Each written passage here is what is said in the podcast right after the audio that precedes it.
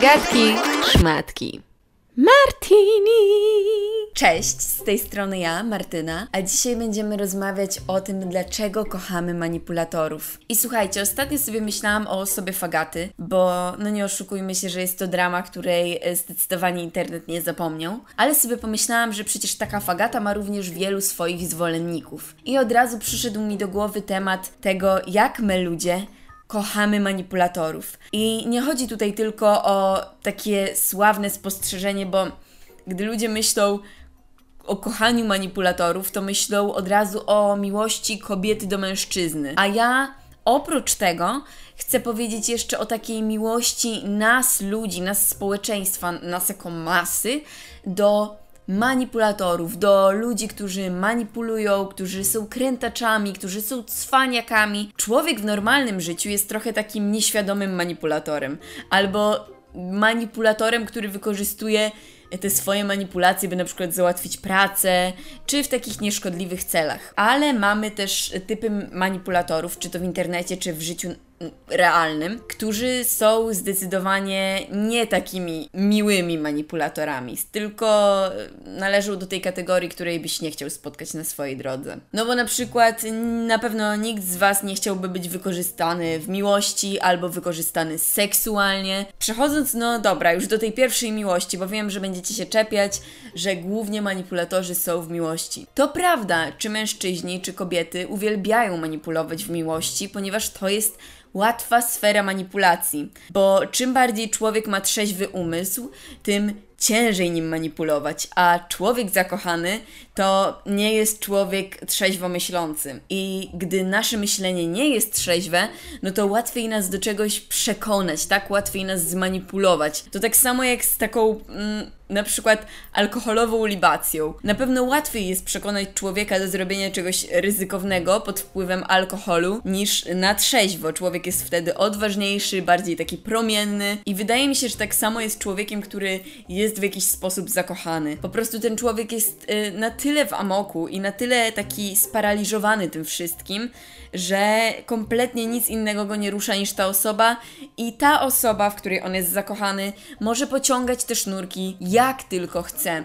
Dlatego bardzo jest ważne, by znaleźć osobę odpowiednią, która tych sznurków nie pociągnie w złą stronę, jak na przykład Fagata u Stewarta. Fagacie w tym przypadku poszczęściło się z tym, że może nie jest ona świetną manipulatorką, a po prostu miała bardzo dobry cel i tak naprawdę okazja podsunęła się jej w cudzysłowie sama. Jakby moralność ludzka to jest coś, co my jako ludzie ustaliliśmy tak umownie, a nie jest to rzecz, która jest gdzieś odgórnie wymagana. Oczywiście ja Was zachęcam, byście jednak byli ludźmi z wysoką moralnością, ale nie każdy wybiera taką ścieżkę i zdecydowanie Agata nie zależy jej na tym w życiu. Mogę się z Wami założyć i myślę, że też sami to wiecie, bo jesteście mądrymi ludźmi. I że Agacie na tym za bardzo w życiu nie zależy, to nie miała kompletnego problemu z wykorzystaniem Stewarta, a wręcz jako dobra i cwana osoba w takich gierkach i sztuczkach szybko załapała okazję. I tutaj różni się tym człowiek, który nie jest manipulatorem, od tego, który jest. Manipulatorzy bardzo dobrze wiedzą, co robią. Bardzo. I oni świadomie kogoś wykorzystują. A przeważnie nasza nieświadoma manipulacja to jest po prostu jakiś tam czynnik, który w nas tkwi i jest taki naturalny. Ale na przykład Fagata wykorzystując Stewarta miała tego świadomość. Śmiała się z tego i niby można by to było wyprzeć żartem, ale teoretycznie to zrobiła, więc tak naprawdę jest po prostu świetną manipulatorką. Oczywiście, czym łatwiej też się manipuluje celem, który jest wrażliwy, tak? No bo jak ktoś jest wrażliwy, to zdecydowanie łatwiej jest go ciągnąć ze sznurki, wpływać na jego emocje. Emocje to jest najgorszy doradca człowieka, ponieważ nawet jak coś piszemy pod wpływem emocji, to często budzimy się na drugi dzień i mamy takie o cholera napisaliśmy straszną głupotę. Na pewno nieraz tak mieliście, ja tak też miałam. Na przykład powiedzmy, byłam w kimś zakochana i się tam kłóciłam z tą osobą i napisałam jakąś totalną bzdurę. A później wstawałam rano i myślałam, dlaczego to napisałam, ponieważ emocje tak mną rządziły. W zasadzie najprostsza rada, aby nie dać się zmanipulować, to po prostu nie ciągnąć się za emocjami, nie robić nic pod emocjami, nie pisać nic pod emocjami, nie wpadać w taką pułapkę, gdzie zdradzacie całą swoją emocjonalność drugiej osobie, bo wtedy ona bardzo dobrze będzie wiedziała, gdzie może was uszczypnąć, tak, żeby bolało. A w waszym życiu chodzi o to, by nie ukrywać tego, że coś was może zaboleć, bo jesteśmy tylko ludźmi, ale by nie pokazywać, gdzie trzeba was uszczypnąć, żeby was zabolało. Ale my jako ludzie kochamy manipulatorów nawet w książkach. Słuchajcie, jest taka książka, która nazywa się e, Dlaczego faceci kochają zołzy, która wprost mówi o tym, że jeśli nie będziesz po prostu wredną, bezczelną kobietą, to możesz pożegnać się z jakąkolwiek miłością w Twoim życiu. Jakby ta książka wprost namawia do manipulacji swojego partnera, więc czy w zasadzie później mamy się co dziwić, że powstają takie wytwory jak Fagata, skoro nawet książki i literatura przekonuje nas do tego, że te niezależne, niezależne, mające totalnie wszystko w dupie kobiety są w stanie tylko osiągnąć i zawładnąć mężczyzną. A jeśli chodzi o manipulatorów, to my ich kochamy jawnie.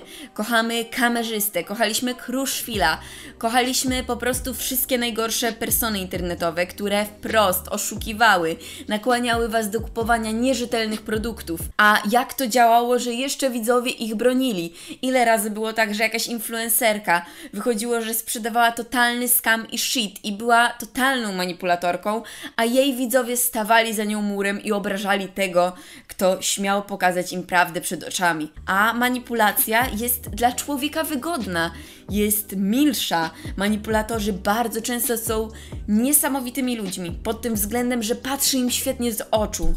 Byście nie powiedzieli, że ten człowiek jest zły. I dopiero później widzimy, że ta osoba nami manipulowała na przykład, albo ogólnie jest manipulatorem, ale my kochamy jako ludzie być w jakiejś takiej krainie, którą sobie wymyślimy. Nawet to, patrzcie, Wymyślamy sobie różne scenariusze przed snem.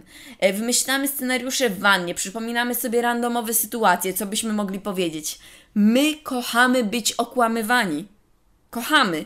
I mówimy, że tego nie lubimy, ale jednocześnie, gdy ktoś wstaje, puka nam w czoło i mówi prawdę, to my zakrywamy oczy i chowamy się przed tym. Wydaje mi się, że internet to jest topowe miejsce, w którym się kocha manipulatorów.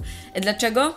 Kamerzysta, Kruszwil, Serafina, wszyscy TikTokerzy, praktycznie ci patologiczni, w ogóle ci patotwórcy, my ich kochaliśmy. Kruszwil i kamerzysta nadal mają, ale mieli ogromną, znaczącą popularność. I pewnie gdyby nie przytyki ze strony YouTube'a i walka wielu ludzi o to, by ten patologiczny content wywalił z tej platformy, myślę, że utrzymywaliby się nadal całkiem dobrze. I patrzcie, oni tak naprawdę mieli tych widzów w dupie, bo nie oszukujmy się, że robili to głównie dla pieniędzy i tylko dla pieniędzy, a widzowie ich bronili. Bronili ich. Em, ksenofobiczne zachowania, bronili ich rasistowskie zachowania, bronili każdej ich pomyłki i wpadki. Bronili ich jak ognia, a byli to przecież najgorsi manipulatorzy. Nawet przyznam szczerze, że sama się poczułam kiedyś zmanipulowana Kruszwilem, bo Kruszwil zaczął zgrywać takiego niewinnego, poszkodowanego chłopca. I mnie to kupiło. Ja jestem bardzo wrażliwa i miałam takie, kurde, może on serio jest poszkodowany. A jak widzicie, minęło kilka miesięcy czy tam lat i on znów zaczął nagrywać z tym swoim potencjalnym oprawcą kamerzystą. I ludzie jakby totalnie nie zwracają na to uwagi. Bailando. Nadal to oglądają, nadal to ma na tyle wyświetleń, by się utrzymywać. A dopóki ma na tyle wyświetleń, by się utrzymywać, będzie robione, robione, robione i przetwarzane. Możecie napisać mi, co Wy sądzicie, czy w internecie jest Waszym zdaniem dużo manipulatorów? Głupie pytanie w sumie. I czy Wy sami nabieracie się na sztuczki manipulatorów, czy raczej macie odporną osobowość? Dziękuję Wam za oglądanie. To by było na tyle. Pa, pa.